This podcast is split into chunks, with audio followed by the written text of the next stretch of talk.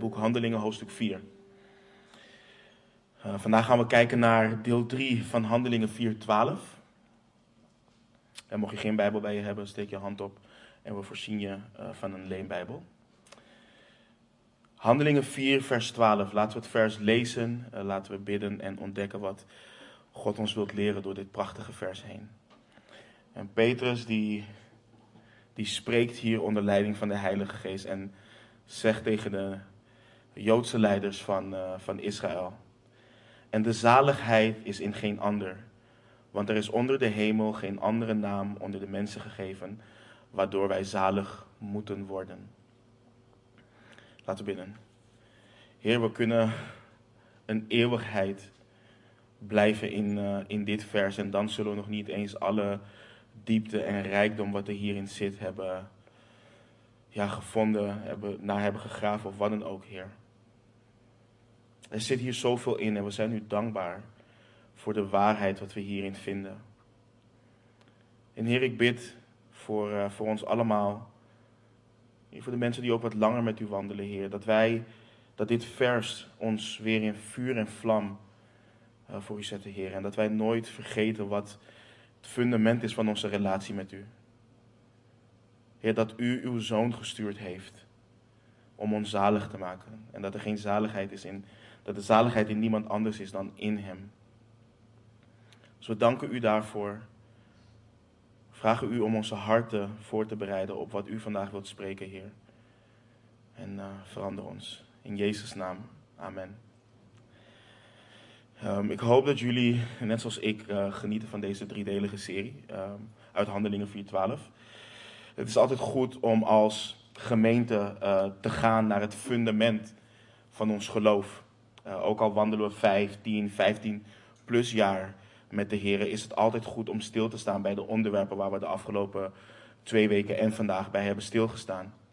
En vanuit Handelingen 4.12 hebben we gekeken naar uh, de volgende drie dingen die in, het, uh, die in het hart van het evangelie liggen. Het, het hart van het goede nieuws. Eén, dat mensen zalig moeten worden. Dus we hebben gezien, het is een absolute noodzaak dat mensen gered moeten worden. Dus hier hebben we twee weken geleden naar gekeken. En vorige week hebben we gekeken naar het feit dat mensen alleen gered kunnen worden door geloof in Jezus Christus, door niemand anders. En vandaag gaan we zien dat het feit dat mensen überhaupt gered kunnen worden door Jezus Christus, Gods pure en onverdiende genade en barmhartigheid is aan, aan, aan zondige mensen.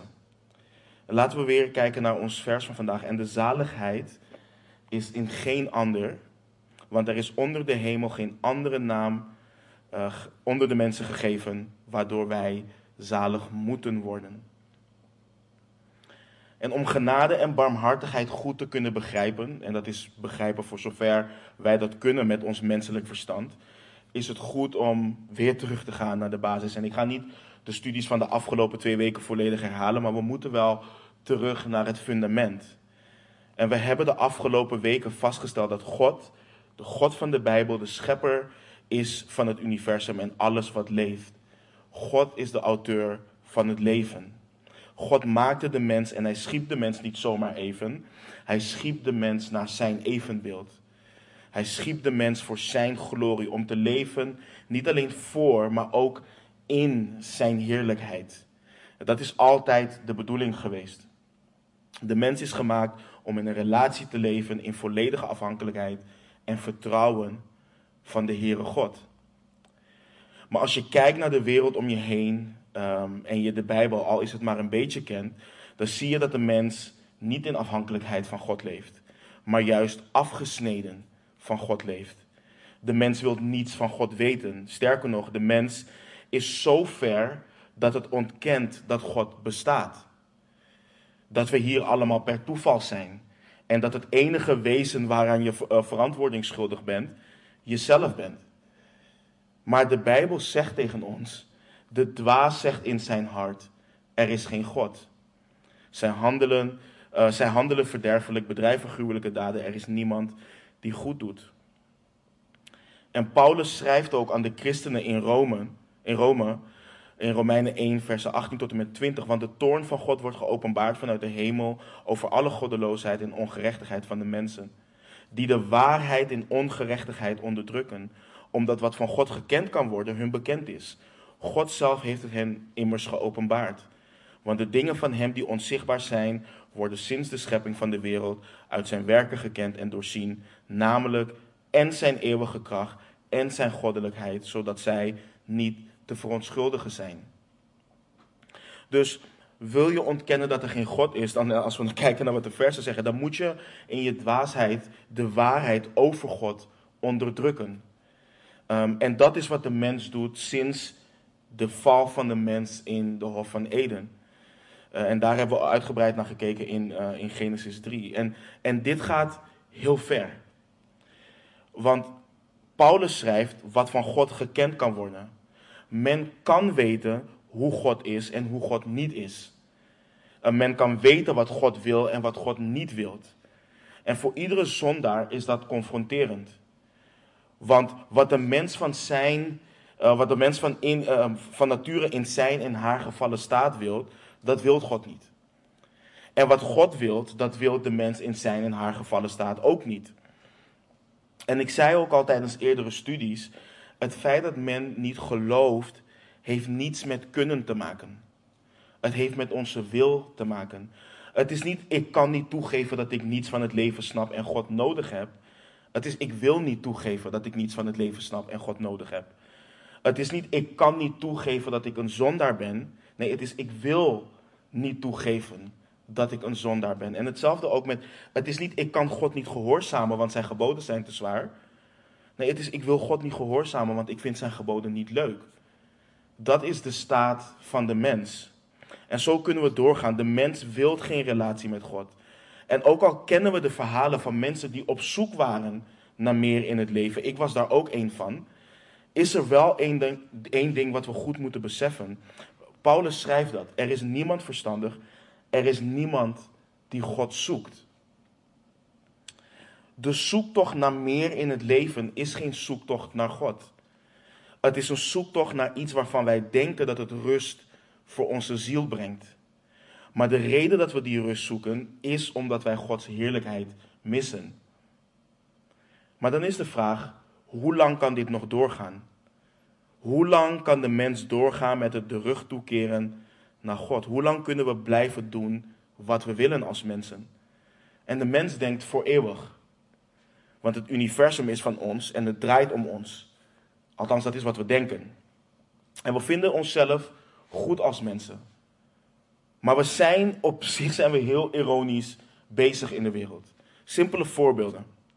We zagen hele oerwouden om en maken daar papier van en schrijven op die vellen red de bomen. We willen zo goed mogelijk vlees eten, maar wanneer de dieren op onnatuurlijke wijze gefokt moeten worden, vinden we dat dierenmishandeling en dan worden we met z'n allen massaal veganisten. We willen zo goed mogelijk kleren kopen, maar vinden niet dat ze in China geproduceerd kunnen en moeten worden. En dit zijn nog de dingen waar we zo wat aan kunnen doen. Maar laten we kijken naar het hart. De dingen die mensen niet direct van ons gezicht kunnen lezen.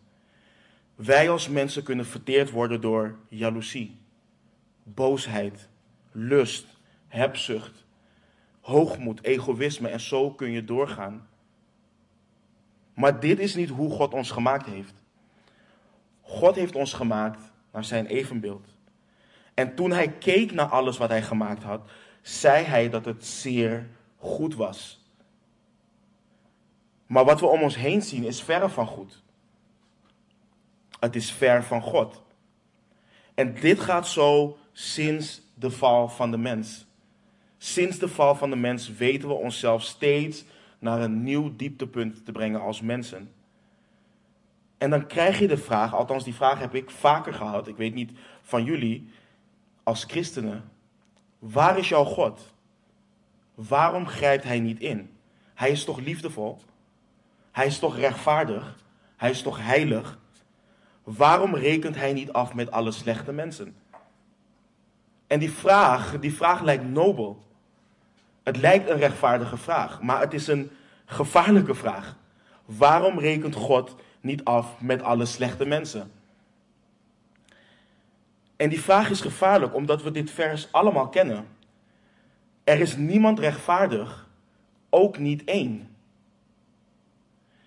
Wie blijft er over wanneer God afrekent met alle slechte mensen? En zoals ik in deel 1 van deze serie heb, uh, heb gevraagd, wie bepaalt vervolgens wat goed en slecht is? Op basis van wat en van wie bepalen we dat als mensen? En kunnen we met een hart wat ons misleidt en een hart waarvan de Bijbel zegt dat het arglistig is, een hart wat wordt geregeerd door de zonde, zelf bepalen wat goed of wat slecht is? Kunnen we dat? Of moeten we doen wat God Salomo heeft ingegeven in de spreuken? Vertrouw op de Heer met heel je hart en steun op je eigen inzicht niet. En dan is, wat is dan het antwoord op de vraag, waarom rekent God niet af met alle slechte mensen? En het antwoord is genade en barmhartigheid. Dat is het antwoord. Want in zijn genade en barmhartigheid geeft God de mens een kans om zich te bekeren, om te geloven, om te leven. In zijn genade en barmhartigheid biedt God de mens een mogelijkheid om vergeven te worden.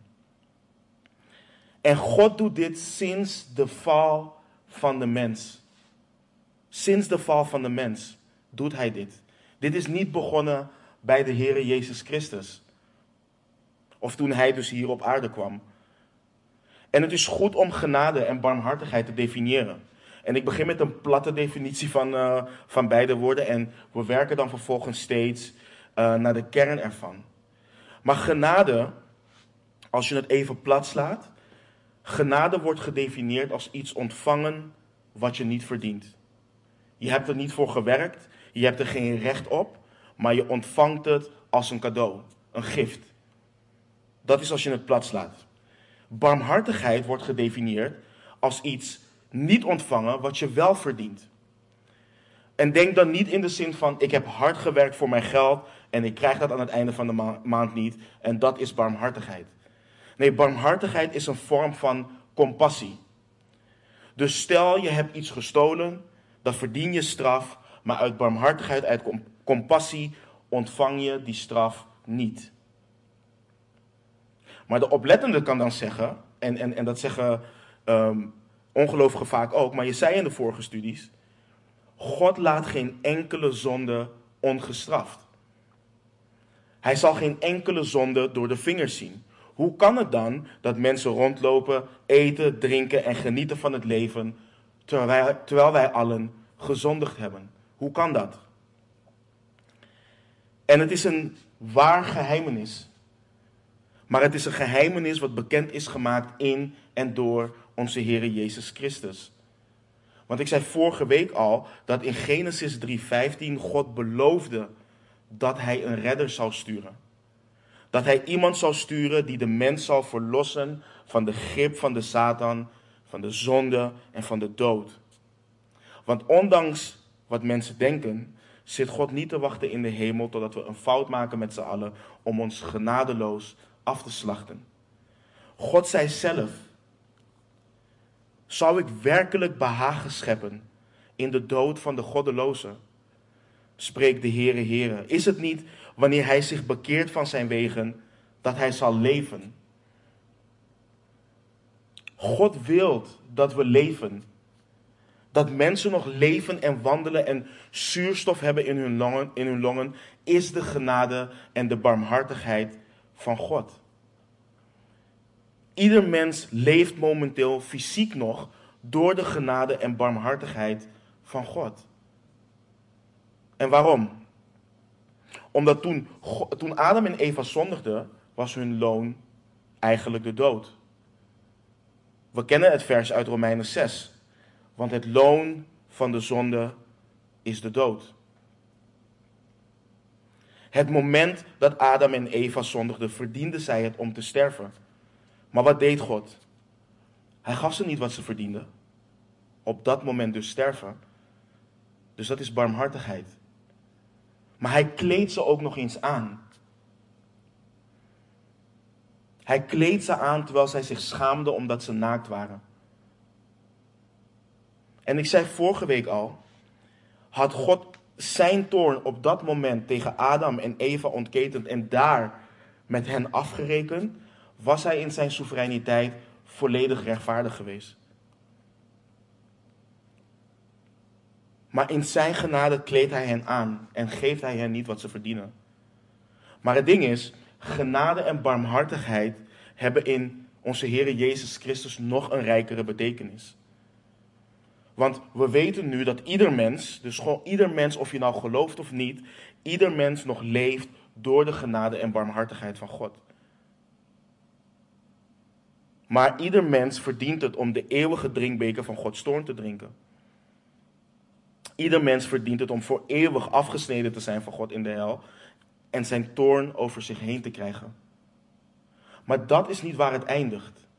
Dat is wat de wereld denkt, maar dat is niet waar het verhaal eindigt. Dit is, dat is niet hoe God met de mens wil omgaan en dat is ook niet hoe God met de mens omgaat. We lazen net dat God geen behagen schept in de dood van de goddeloze.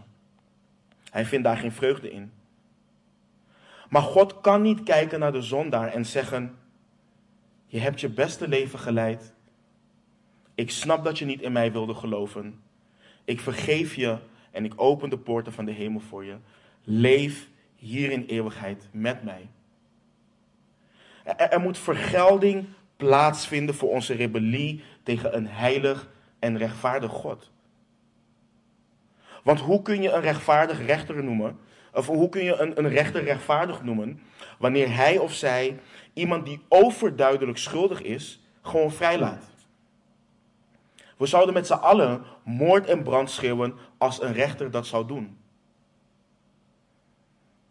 Maar God die volmaakt is, van Hem verwachten wij als mensen andere dingen.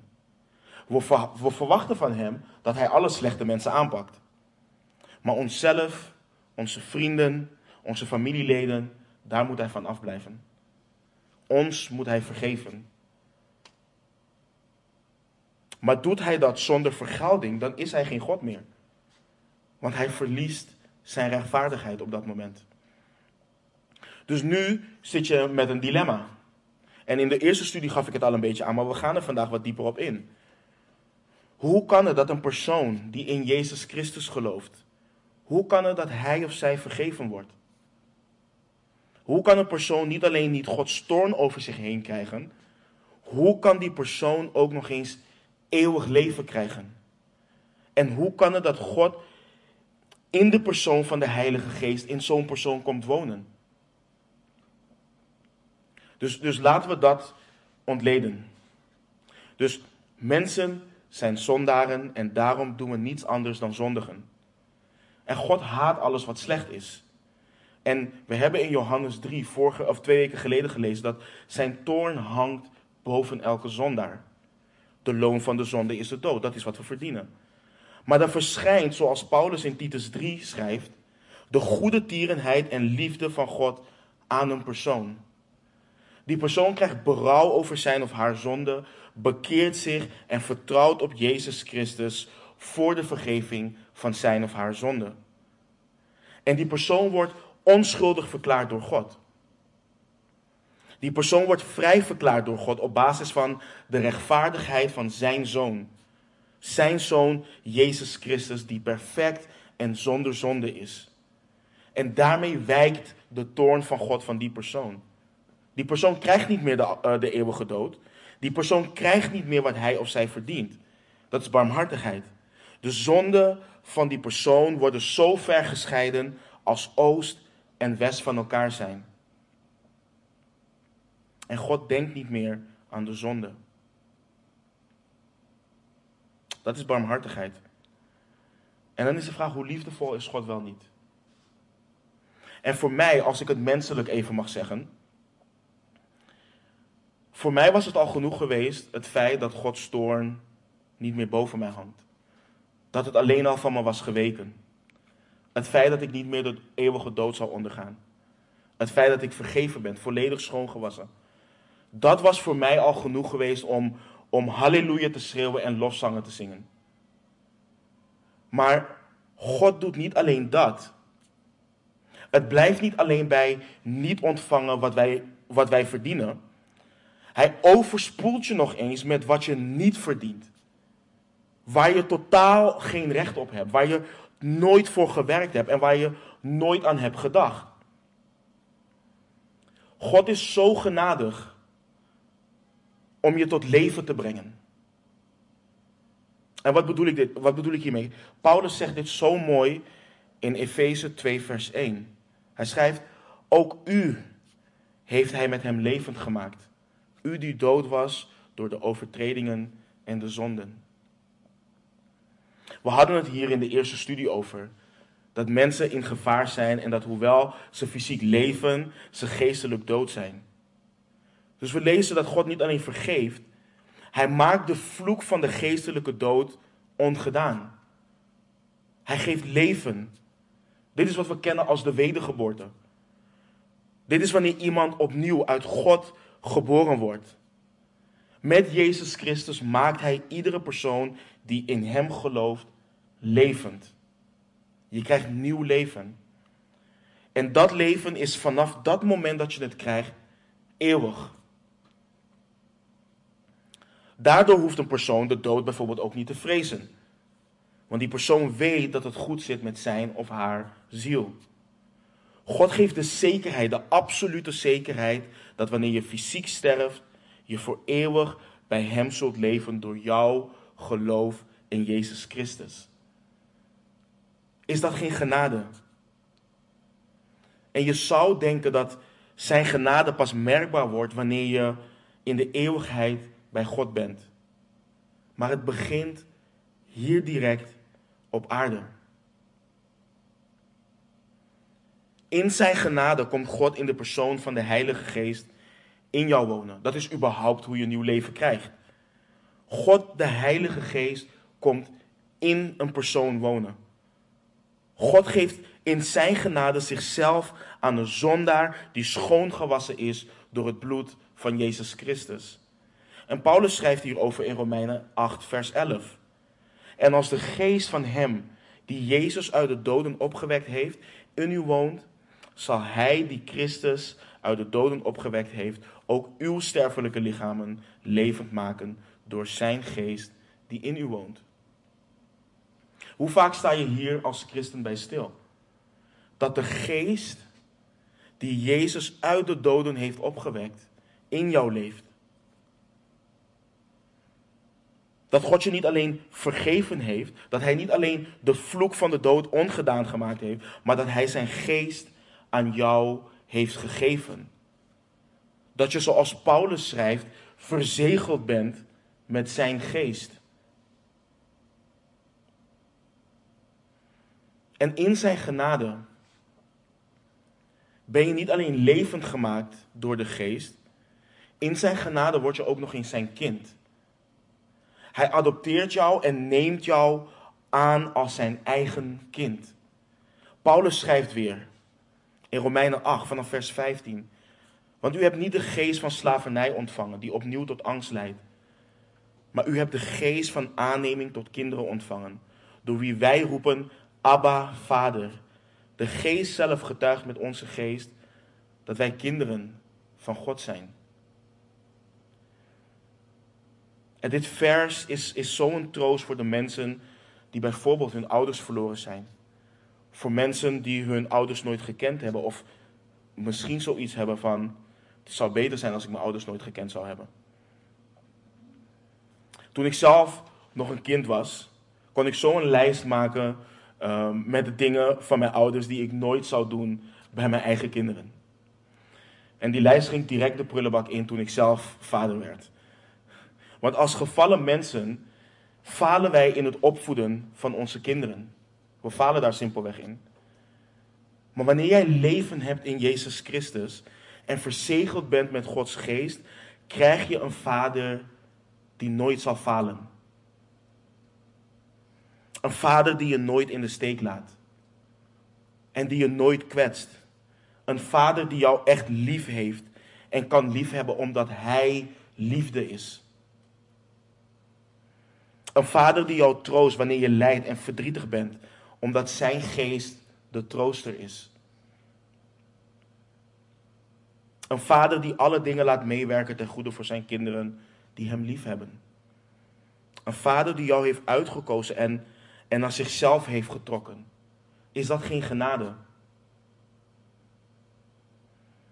En zo geeft God in zijn genade nog zoveel meer.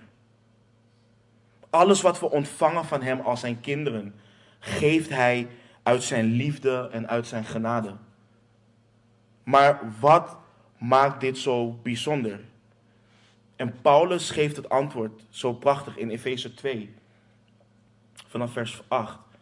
Deze, deze versen kennen we allemaal. Want uit genade bent u zalig geworden, door het geloof. En dat niet uit u. Het is de gave van God. Niet uit werken, opdat niemand zou roemen. Let op wat er staat. Het is, het is de gave van God.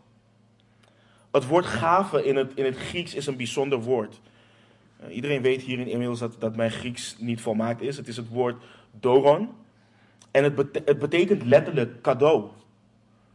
Een offer. Maar het prachtige hiervan is dat het in de context wordt gebruikt van een cadeau wat niet uit dwang is gegeven. De hele nadruk ligt op het feit dat God dit vrij en gewillig heeft gegeven. Hij wilde dit cadeau geven. Hij wilde dit offer geven om mensen met hem te verzoenen. Redding, zaligmaking is een cadeau, een vrij cadeau aan zondige mensen die niets anders dan Gods toorn verdienen. Geef dit ons niet meer ontzag voor God. Geef dat ons niet meer ontzag voor het werk van Jezus Christus aan het kruis. Wordt Johannes 3:16 bijvoorbeeld dan niet meer dan, eh, niet meer dan een standaardvers waarin we simpelweg zeggen tegen verlorenen om ons heen dat God van ons houdt? Het is de ultieme uiting van genade en barmhartigheid. Het is waarin we zien dat God de Zoon, die in eeuwige gemeenschap leefde met God de Vader, zichzelf vernederd heeft door zijn schepping in te komen als mens. Om zijn heerlijkheid af te leggen en geboren te worden in zondig vlees. En het te doen zonder te morren. Hij beschouwde het niet als roof om te zeggen: Ik, God, word mens om de mensen die tegen mij rebelleren, om die mensen te verzoenen met mijzelf. Om mensen die in gevaar zijn van Gods toorn in veiligheid te brengen in de handen van God zelf. Want alleen op die manier kon het gebeuren. Alleen zo moest het gebeuren. Alleen zo kon de genade en barmhartigheid gegeven worden zonder dat God zijn heiligheid en rechtvaardigheid zou verliezen. Zonder dat God aan te klagen is door te zeggen: U bent niet rechtvaardig. U zegt dat u rechtvaardigheid eist en dat u de schuldigen niet voor onschuldig houdt, maar toch zit de hemel vol met zondaars. Hoe kan dat? Want ik zei het eerder al en het is belangrijk om daarbij stil te staan. Rechtvaardigheid eist straf. Gerechtigheid eist straf. We kennen dat in ons, in ons juridisch systeem. Het vereist straf. Maar in, als we het kijk, bekijken in de context van God, dan eist het een onmogelijke en bevredigende straf. En het is een straf die in eeuwigheid niet voldaan kan worden. En dat is wat genade zo groot maakt. Dat is wat barmhartigheid zo groot maakt. Want toen de Heere Jezus bad, en, en, en vaak wordt dit ook heel, het wordt zo klein gemaakt. Dat toen de Heere Jezus bad en, en, en, en, en, en zei, mijn vader, als het mogelijk is, laat deze drinkbeker aan mij voorbij gaan. Maar niet zoals ik wil, maar zoals u wilt. We maken dat vers zo klein. Want denk niet dat die drinkbeker was dat hij geslagen werd. En dat hij bespuugd werd. En dat hij een kroon van dorens kreeg. Denk niet eens dat het zit in het feit dat zijn rug werd opengehaald tijdens het geestelen. Denk niet eens dat het was dat hij gekruisigd werd in de basis. Het is het feit dat hij daar onschuldig aan een kruis hing met de zonde van de wereld op zijn schouders. En toen hij uitriep naar zijn vader, het doodstil was. Het feit dat de toorn van zijn eigen vader hem verbrijzeld heeft aan het kruis, zoals we lezen in Jesaja 53. Hem volledig vermorseld heeft. Het feit dat zijn vader naar hem keek en niets anders dan de zonde van de wereld zag. Dat is de drinkbeker die hij heeft gedronken. Hij heeft zichzelf ontledigd, zijn heerlijkheid afgelegd en heeft dat voor ons doorstaan. En dat zijn volmaakte zoon, zijn zoon zonder smet, daar hing aan het kruis en de straf droeg. Dat bevredigde de Vader. Dat was de straf waardoor nu een mens voor God kan staan en onschuldig verklaard kan worden. En Paulus zegt daarvan, het is de gave van God. Het is het cadeau van God. En dat houdt in dat we het moeten ontvangen in geloof. Dat we niets anders kunnen dan het ontvangen in geloof. En het is zo essentieel, want voordat Jezus Christus aan het kruis stierf, zei hij dat het volbracht is. Het werk is af. De straf is betaald. Ik zei het volgens mij één keer in de studie in Johannes. Ik, ik weet niet of jullie dat ooit hebben meegemaakt. Misschien waren jullie daarin in heiliger dan ik was. Maar ik was zo onverstandig. En ik weet nog toen ik net 18 werd. Ik, uh, ik, ik regelrecht naar ABN AMRO ging. En ik daar een rekening opende. Om 1000 euro rood te kunnen staan. Gewoon, gewoon om dat te kunnen doen. Ik weet niet waarom. Ik heb dat geld opgenomen en ik heb de meest dwaze dingen ermee gekocht. En je bent 18 en je hebt geen werk. ik, kon het niet, ik kon het niet terugbetalen. Ja, en dan komt het. Incassobureau naar incassobureau. En je hoopt op een gegeven moment dat het gewoon stopt met komen. Dat op een gegeven moment een brief komt en ze zeggen: Weet je wat, meneer Holder, u hoeft het niet meer te betalen. Maar die brief kwam nooit. Ik moest het betalen. Ik moest het gewoon betalen. En dan werk je daarvoor en op een gegeven moment betaal je het en dan krijg je die laatste brief. Het is voldaan, het is klaar. Het is gewoon helemaal weg. Dat is wat de Heer Jezus Christus heeft gedaan. Elke schuld, alles wat wij moesten betalen, is volledig weg. Het is gewoon helemaal schoon. En het enige wat mensen kunnen doen om dat cadeau te ontvangen, is geloven in de Zoon van God voor de vergeving van hun zonden. Wanneer mensen berouw hebben over hun zonden, dan moeten zij zich bekeren en zich volledig werpen op de Heer Jezus Christus. Niemand kan wat doen om dit cadeau te ontvangen. Want werken voor een cadeau is geen cadeau, maar het is gewoon je loon dan. En onze loon is geen eeuwig leven, maar de dood. En laten we het eh, vers in Romeinen 6:23 nu in zijn volledigheid weer lezen. Want het loon van de zonde is de dood, maar de genadegave van God is eeuwig leven door Jezus Christus, onze Heer. Dit brengt zoveel met zich mee. Dit, dit, dit is moeilijk voor ons als mensen. Want het maakt ons volledig afhankelijk van God. Het vereist van ons dat we volledig vertrouwen op God. En we hadden het in de eerste studie daarover. Dat is waar alle ellende begon in de Hof van Eden. Vertrouwen. Hield God iets achter, ja of nee? Zou ik echt niet sterven als ik ervan zou eten, ja of nee? En ik zei, kijk, wij mensen hebben zoveel moeite met genade. Want wij kennen dat niet. Genade in de puurste vorm, zoals God dat geeft, kennen wij als mensen niet onder elkaar. Want wij mensen hebben de mentaliteit Voor wat hoort wat.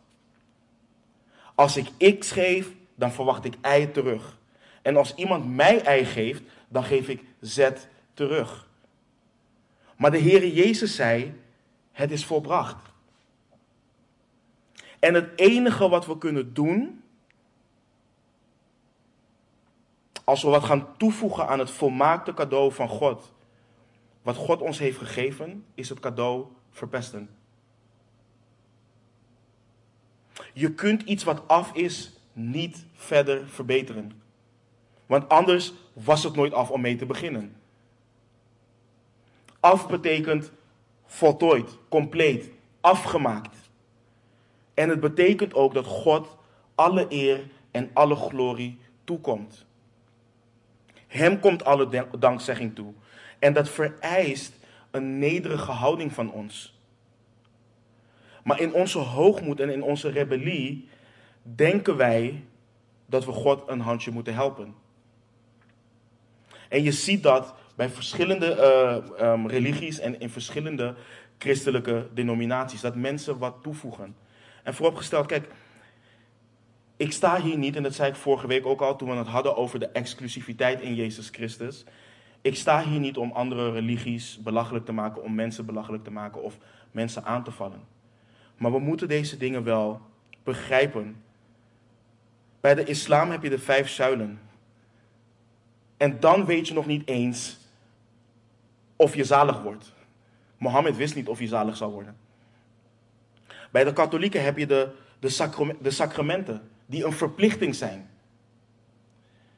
Je moet je laten dopen. Je moet je communie doen. Je moet je vormsel doen en ga zomaar door.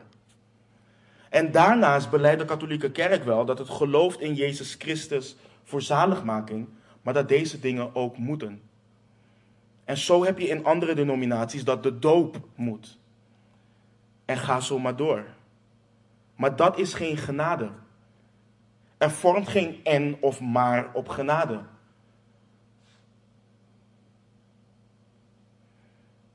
Dus we kijken naar het woord van God. En daar zien we dat Paulus schrijft dat het een gave is van God.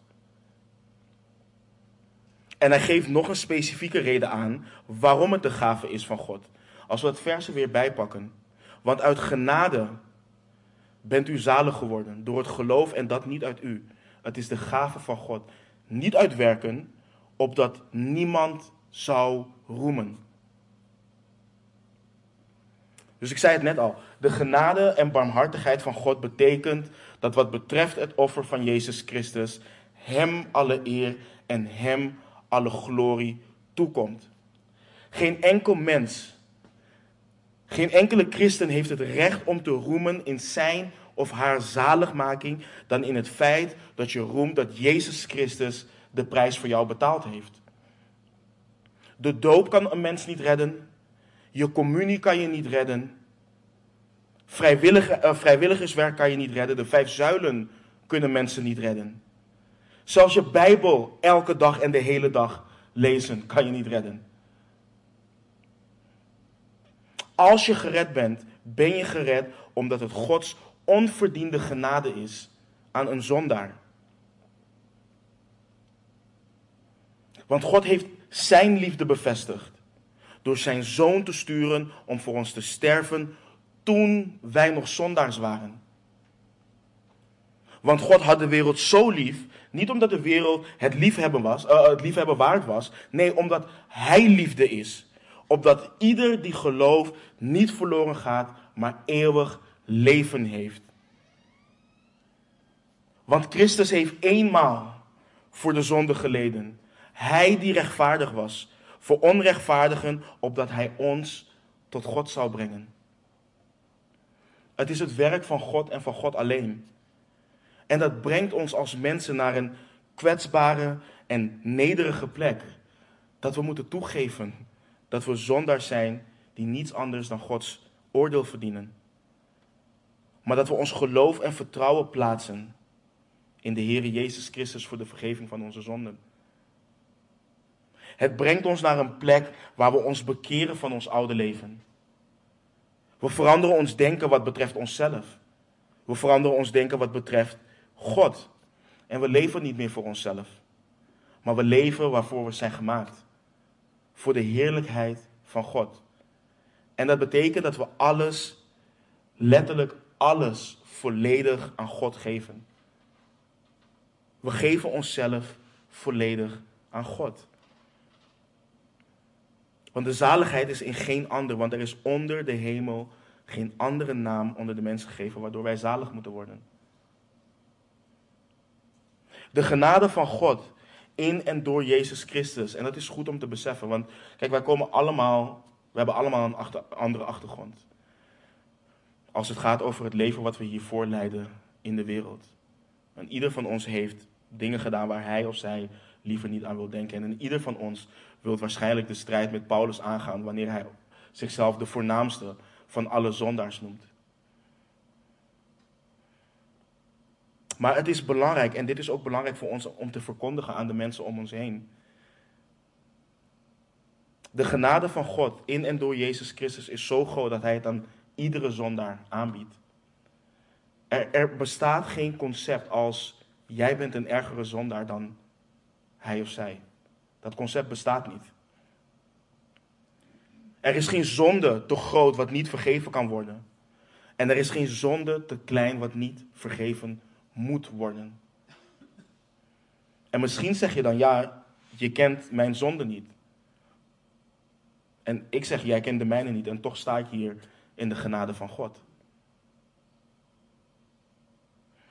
Kijk, ik ga niet zeggen dat het niet uitmaakt wat je hebt gedaan. Want het is wel zo. Het maakt voor God wel uit. Maar ondanks dat, ondanks wat je gedaan hebt, kun je tot Jezus Christus naderen en vandaag vergeving ontvangen voor je zonde. En dat niet alleen ontvangen, ook ervaren. Dat is letterlijk het, het, het cadeau wat God geeft aan ieder mens. En nu zei ik net dat de platte definitie van genade iets is wat iets, dat je iets krijgt wat je niet verdient.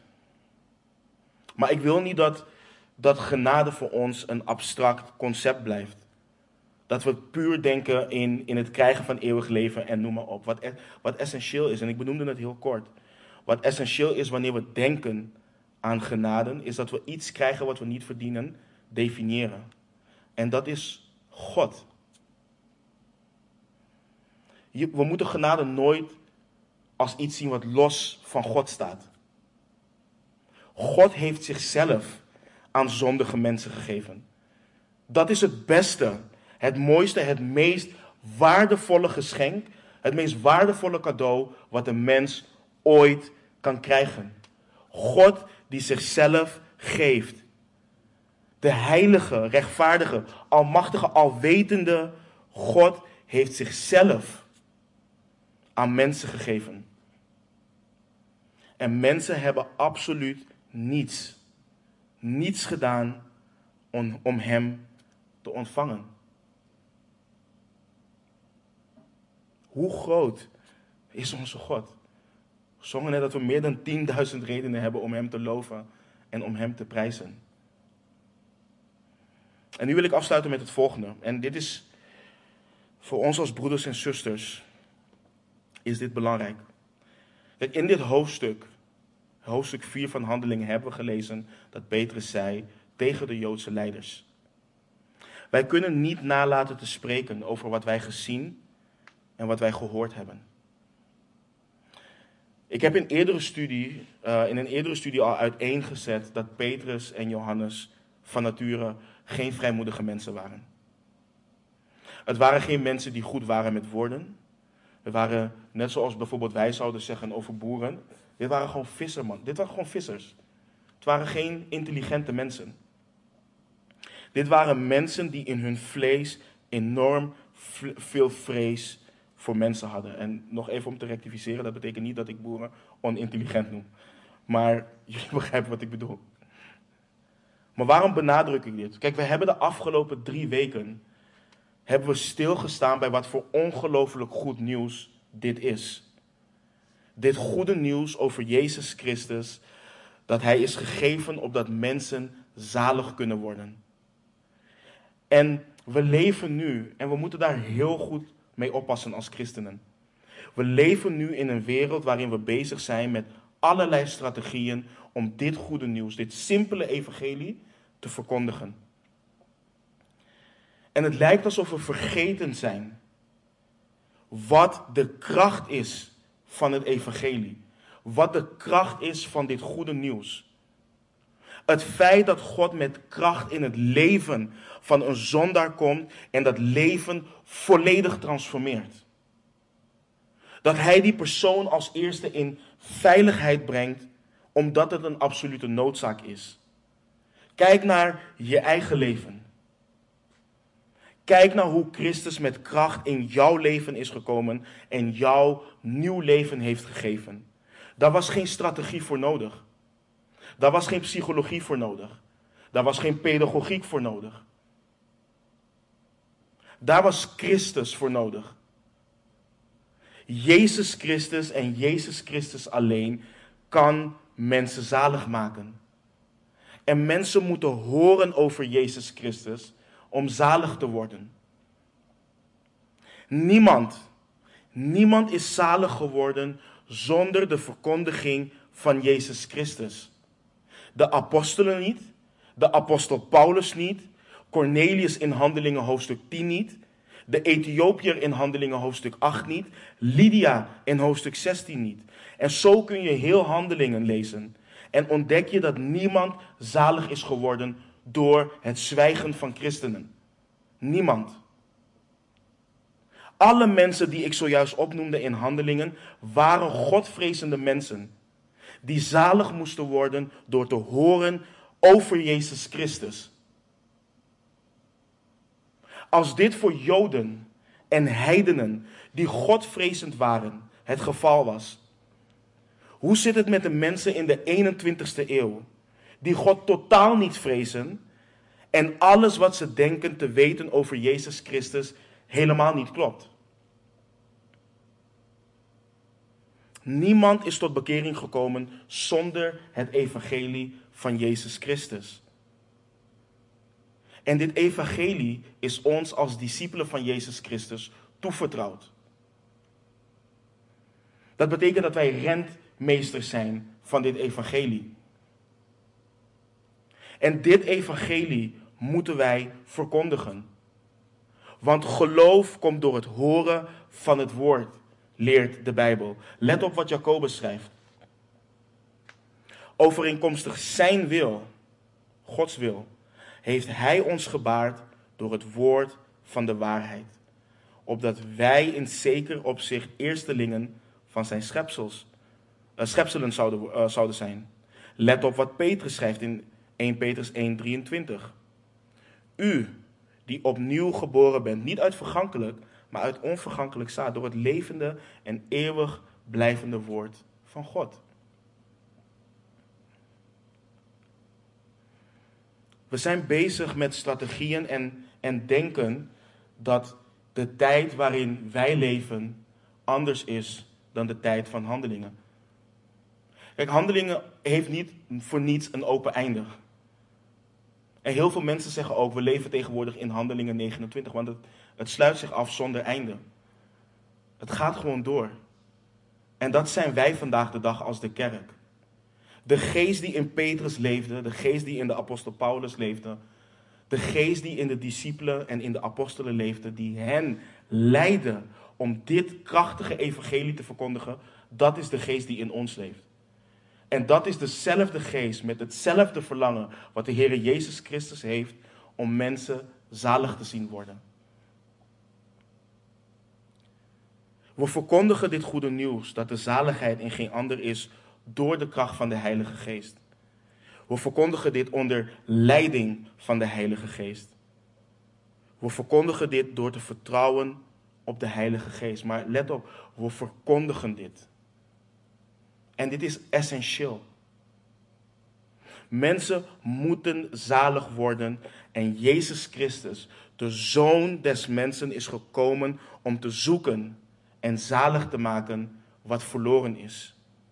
En als we echt van onze naasten houden, als we het hart hebben voor de verlorenen om ons heen, Of we ze nou kennen of niet, wanneer God die deur opent, dan moeten we hen de waarheid vertellen over hoe het ervoor staat met hun ziel. Want de zaligheid is in geen ander, want er is onder de hemel geen andere naam onder de mensen gegeven, waardoor wij zalig moeten worden. Laten we bidden.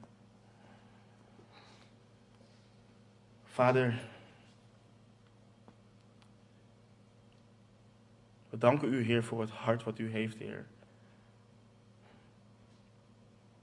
Dat er in u, in het geheel, geen duisternis is. Dat u puur bent, dat u volmaakt bent, Heer. Heer, dat u ons niet achterlaat in onze wanhopige staat. Heer, dat, ons, dat u onze ziel vrijgekocht heeft, Heer, als slaven van de zonde. En dat u het daar niet alleen bij laat, Heer, maar dat u ons ook gebruikt voor de werken die u van tevoren al bedacht heeft, Heer. Dank u wel daarvoor. Dank u wel dat u mensen wilt redden, Heer. Dank u wel voor het feit dat u ons gered heeft. Heer, en ik bid, Heer, dat als er mensen hier zijn, als er mensen die terugluisteren of wat dan ook, als hun hart koud voor u is geworden, Heer. Trek hen naar u toe, Heer. Als er mensen zijn die u niet kennen, openbaar uzelf aan hen. Heer, uw woord zegt dat als wij bidden naar uw wil, dat u ons dat zal geven, Heer. En het is uw wil dat mensen zalig worden. U wilt niet dat mensen verloren gaan. Dus ik draag een ieder van de mensen waar, waarmee wij in gesprek zijn over onze Heer Jezus Christus, draag ik aan u op. En ik bid dat u hun harten week maakt. Opdat u hen opnieuw geboren doet worden. Ik bid dat u de barrière van de zonde wegneemt. Dat u hun ogen openmaakt, dat u hun oren opent, Heer. Dat u hen naar hun knieën brengt en dat u hen zodanig naar een staat brengt dat ze alleen kunnen vertrouwen op u voor de vergeving van zonde. Heer, en ik bid voor ons die beleiden christenen te zijn. En voor ons die u een nieuw leven gegeven heeft. Ik bid dat wij zullen rusten en leven in uw genade. Heer, dat wij nooit denken dat wij voorbij genade zijn. Maar dat we altijd zullen wandelen in en door uw genade. Help ons meer en meer om dit te begrijpen. Help ons meer en meer om hierna te leven. We loven en prijzen uw naam en danken u voor wie u bent, voor wat u gedaan heeft, voor wat u aan het doen, bent en wat u nog gaat doen, Heer. In de naam van Jezus Christus bidden wij. Amen.